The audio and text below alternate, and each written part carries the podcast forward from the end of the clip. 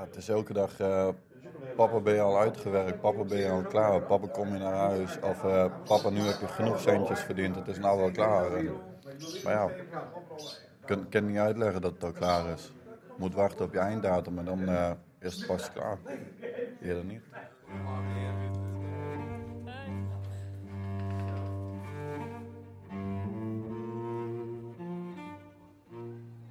Je luistert naar Binnen de Muren, een podcast van RTV Drenthe over de penitentiaire inrichting Esserheem, een gevangenis in het Drentse dorpje Veenhuizen.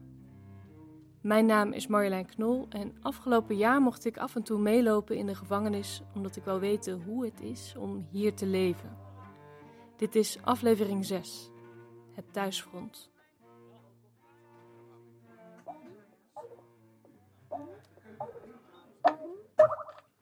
Blijf jij er ook bij?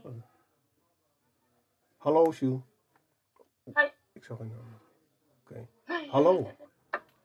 Ja. Hoe heet het? ehm, alles goed vandaag gegaan op school? Ja, Leuke dag gehad? Dit is Jack. Op het bureautje in zijn cel staat een iPad. Op de vadervleugel mogen sommige gedetineerden via de iPad skypen met hun kinderen. Eh, het bouwplan moet nu woensdag ingeleverd worden. Jack heeft vijf kinderen. De oudste is 18, de jongste 13. Dus ik kan sinds die tijd mijn kinderen eh, vaker zien en spreken. Maar ik kan ze ook ondersteunen bij eh, huiswerk en bij andere zaken. En kunnen vaak ja, een één op één gesprek eh, voeren. Zoals je, ja, dat is toch iets anders dan aan de telefoon. Versie- Versie van het profielwerkstuk. Dus die is een dag eerder nu, dat profielwerkstuk. Want die stond nog op 8 eh, december. Oh nee, dat is, dat is zaterdag. 7 december. Oké. 8 december is op een zaterdag. Ja. Oké. Jack zit nu 7,5 jaar vast. Als je 15 jaar hebt, dan, dan eh, dat is, maar, dat is vrij duidelijk dan waarvoor je zit. eh. dus, eh, dus, maar het is niet in de relationele sfeer, maar puur een, een, een- ik zit voor iets zakelijks. Laat, laat ik het zo noemen. Toen Jack destijds werd opgepakt, was dat een grote schok voor zijn familie. Voor mijn toenmalige vrouw ook, die wist absoluut helemaal van niks. Dus eh, Gelijk na zijn arrestatie stond alles op teletext, was het in de media. ik, ik heb wel eh, later eh, met mijn kinderen daarover gesproken. Als ze op bezoek waren en dat, wanneer ik ze belde en zo. Maar makkelijk is het niet als je vader zomaar ineens in de gevangenis zit. Jack ging in gesprek met een geestelijk verzorger die hem hielp een goed gesprek te voeren met zijn twee oudste dochters. Dat, ze de situatie accepteren. Het is natuurlijk, ja, het is voor een kind natuurlijk verschrikkelijk. Als je vader uit huis wordt eh, eh, ge- gehaald. En eh, momenten zijn dat je bij je vader wil zijn en dat dat niet kan. Wel dat, dat er iets is gebeurd op school of weet ik veel wat. En dat een kind thuis komt. Ik wil naar papa. Weet je wel. Dus ja. Ja, daar- dus daar hebben we een weg in kunnen vinden. Weet je wat het meisje zei tijdens haar betoog? Nee. Ik ben niet overtuigd van mijn standpunt. Ja, dan, maar dan haal je jezelf dus al meteen aan eruit. Het, het was zo bagger, man. Ja. En ja, één meisje durfde niet te doen, helaas. In de gevangenis hoor ik veel stoere verhalen. Over wat de gevangenen doen om hier hun tijd door te komen, over het delict en vooral over wat er allemaal mis is met justitie. Als we dan wat langer in gesprek zijn en ik vraag of ik een cel mag zien, dan zie ik vaak een andere kant. In vrijwel elke cel hangen foto's van familieleden, aandoenlijke kindertekeningen, een lief briefje van een partner met de woorden: Ik denk aan je. Al zijn veel gevangenen hun vriendin of vrouw kwijtgeraakt tijdens detentie. Ook Jack is ondertussen niet meer samen met zijn vrouw. Hendrik nog wel. Hij zit ook op de vaderafdeling en heeft twee kinderen. Eh, de jongste zit nou op de peuterspeelzaal en de oudste zit nou in groep 4. Hendrik moet twee maanden in de gevangenis zitten. Hij belt elke dag even met ze. Ja, het is elke dag, eh, papa ben je al uitgewerkt, papa ben je al klaar, papa kom je naar huis. Of eh, papa nu heb je genoeg centjes verdiend, het is nou wel klaar. En, maar ja, ik kan, kan niet uitleggen dat het al klaar is. Moet wachten op je einddatum en dan eh, is het pas klaar. Eerder niet.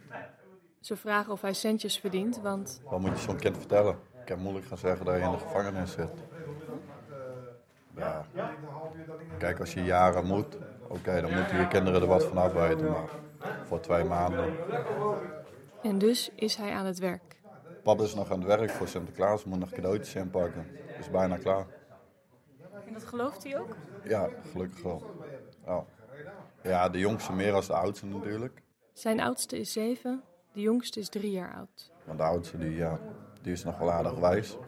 Dus die weet, eh, naar mijn idee weet ze denk ik wel dat ik in de gevangenis zit. Maar zij, ze speelt het spelletje nog wel mee van papa is aan het werk. Dus En, en wat zegt je vrouw? ja, die is wel wat gewend. Ja. Tuurlijk hoopt zij niet dat ik elke keer naar binnen hoef. Maar ja, ja tijd zal het leren. Contact met thuis is soms pijnlijk door het gemis, maar wel belangrijk. Voor zowel de gedetineerden als hun familie. En toch gaat dat vanuit de gevangenis niet erg makkelijk. Er hangen bijvoorbeeld twee telefoons in de gang op de afdeling, maar de gevangenen worden rond kwart voor vijf al ingesloten in hun cel. En rond dat tijdstip zijn familieleden en vrienden vaak pas weer bereikbaar, omdat ze dan klaar zijn met werken. Twee avonden in de week mogen de gedetineerden ook s'avonds nog twee uurtjes uit hun cel. En dan staat er stevast een rij voor de telefoons in de gang. Een paar gedetineerden verzonnen dan ook een andere oplossing. Op stoel zitten. Dan mag jij een keer makkelijk zitten. Waaronder Hans. Zo ben ik. Eh, mijn moeder die heeft al, eh, nog niet zo gek lang geleden een TIA gehad. Dat was voor mij de reden om een mobiele telefoon aan te schaffen. En dat ging goed. Elke avond kon hij zo nog berichtjes sturen naar zijn moeder en naar zijn kinderen. En dat ging goed, zoals hij zegt. Verleden tijd. Dus we hadden dinsdagavond recreatie gehad tot kwart voor acht. En om tien over acht was van eh tok tok celcontrole. En ja, nou, nou is het gebeurd. Hans zat in zijn stoel toen er vijf bewakers voor de deur stonden. Zijn illegale mobiele telefoon lag achter hem, in het kussen. Ik denk, ja, eh, ik kan twee dingen doen. Ik kan rek gaan doen. En dan flikkeren ze me in die ISO. Nou, dit hele circus gaat op de kop. En omdat ze wat gevonden hebben, maken ze het zo laten. Dus ik kom terug in één grote bende. Daar heb ik niet zoveel zin in. Dus ik heb gewoon hier, dat wil je hebben. Neem hem lekker mee. Word er gelukkig mee. Hans vroeg nog één ding. En ik was eh, met een meisje aan het, eh, chatten. Ik, ik zei van, nou mag ik er dan nog wel een berichtje sturen? Hij zei, jij bent sportief, dan ben ik het ook. Ook Hans is niet meer samen met zijn vrouw. Via zijn telefoon had hij zich ingeschreven bij een datingsite en zo kwam hij aan het chatten met een vrouw uit Ghana. De berichtjes over en weer waren alleen van korte duur, want hij moest zijn telefoon inleveren en werd daarna voor straf zeven dagen in zijn cel opgesloten. Pakte je de televisie af. Nou, van een van de jongens keek even de radio te leen. En een paar cd's. En voor de rest moet je zorgen dat je eh, je eigen reet redt. Om het zo maar te zeggen. Geen probleem mee. Hij had geen tv en mocht een uur per dag naar buiten om even te luchten. Van de bewaking hoorde ik later dat hij het mobieltje ook wel gebruikte voor zaken die niet door de beugel konden. Hans kwam de zeven dagen op cel trouwens goed door. Een paar dagen daarvoor had hij vast wat alcohol gestookt. Het was een bestelling voor iemand anders, maar ja, Dat heb ik eh, tijdens achter de deur allemaal opgedronken. Zes liter. Dus ik, eh, ik heb geslapen als een konijn. Gegarandeerd. Ja. Dat nieuwe mobieltje heeft hij alweer. Een andere manier om contact te houden met familie en vrienden zijn de bezoekuren.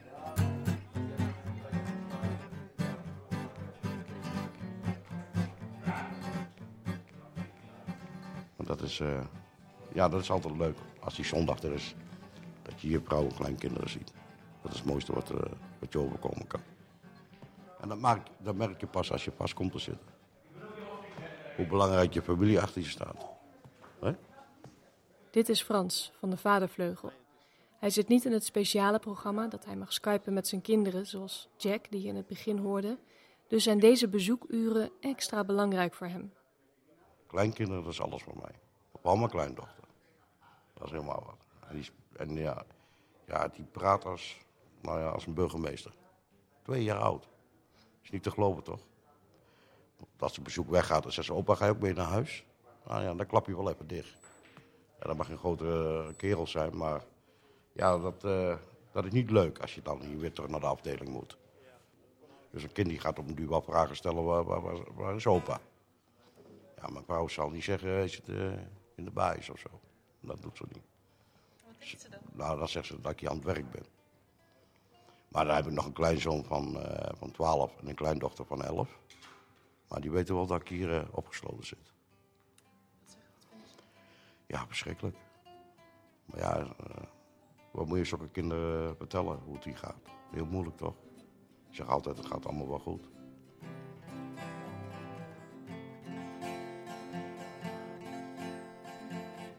Het contact met thuis. Dat is het belangrijkste thema van vrijwel alle vergaderingen van de gedetineerde commissie. Meer contact, intiemer contact, meer privacy. Ze hebben het bijvoorbeeld over de bezoekuren Het begint het op kwart overheen, alleen het houdt op twee uur op. Ja, het, het, het, Dat is het probleem. en de privacy van de telefooncellen op de afdeling. Laatst eh, had hier eh, bij ons had iemand eh, op de vaderafdeling die had wat pro- problemen thuis. Ja, dat krijgt gewoon een hele afdeling mee. Ja, dat is niet de bedoeling, denk ik.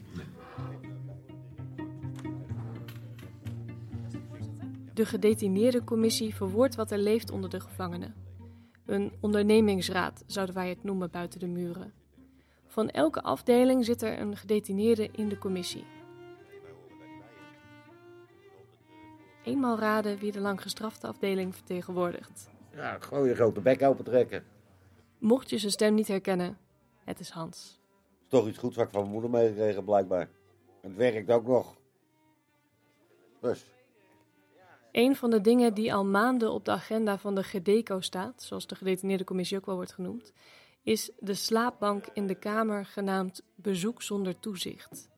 Dat is een kamer waar een gevangene kan afspreken met zijn partner. dan is de deur op slot. Je hebt daar gewoon een kamertje, twee persoons bed staat en een goedkoop radio, cd-spelertje, koffiezetapparaat, nooit geen koffie.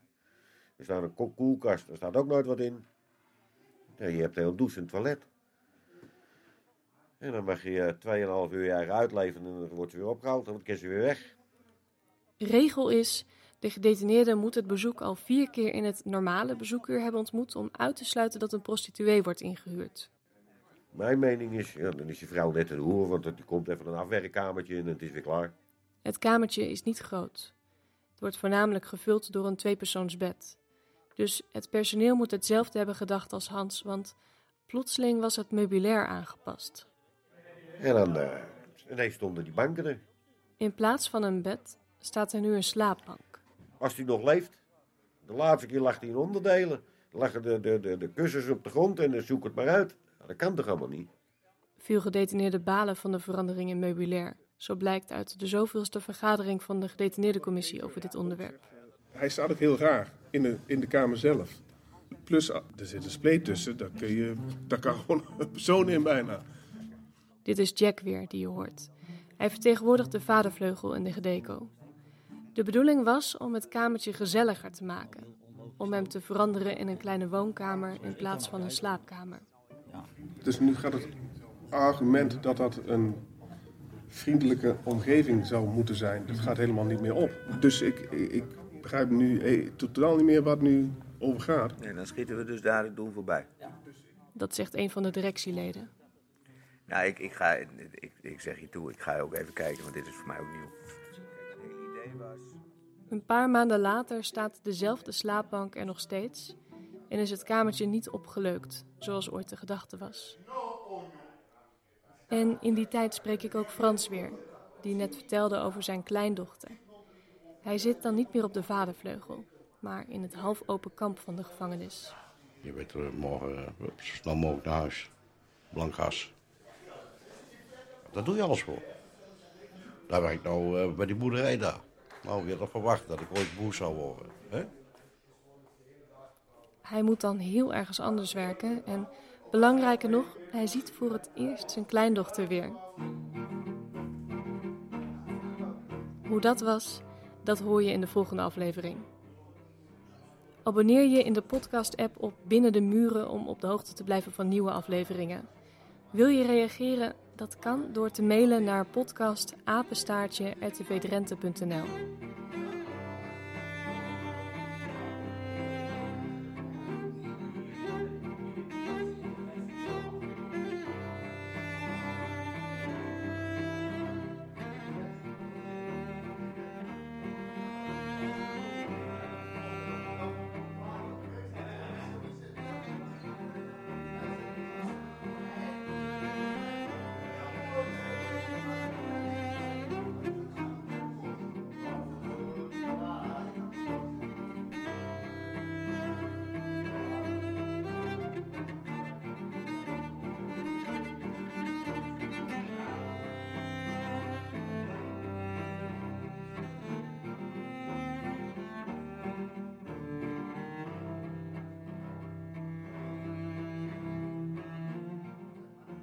Binnen de Muren is een podcast van RTV Drenthe en hij wordt gemaakt door Marjolein Knol. Eindredactie Sophie Timmer, eindmontage Björn Brouwer.